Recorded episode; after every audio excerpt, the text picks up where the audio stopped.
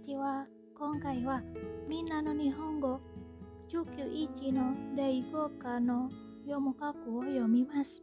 じゃあ始めましょう。地図地図 A はオーストラリアの国語教師マーカサが1979年に作った南北を逆にした世界地図である。彼は日本留学中にアメリカ人留学生の書いた世界地図を見てびっくりした。その地図にはオーストラリアがなかったのだ。人間の目は観察しようとする面の中央より少し上の方を自然に見るそうである。下の方は努力してみようとしないと見えないのだ。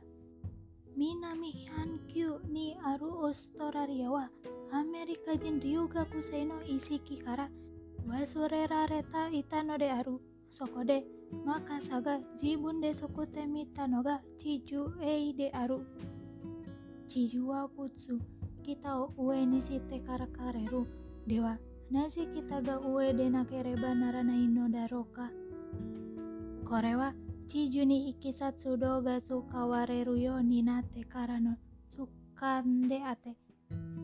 古いちじゅには、南が上のものも多い。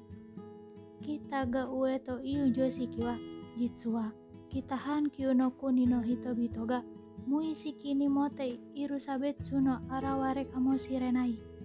地獣 B はぼくを Joge dewa naku sayuni oite suku tamono de aru nara So naku tomo kyu no hito bitomo kyu no hito bitomo. Mongku wa daro si sikasi. Apurika to minami Amerika wa do daroka ichino biodo wa mujukasi. Hai, ijo des. Mata ne.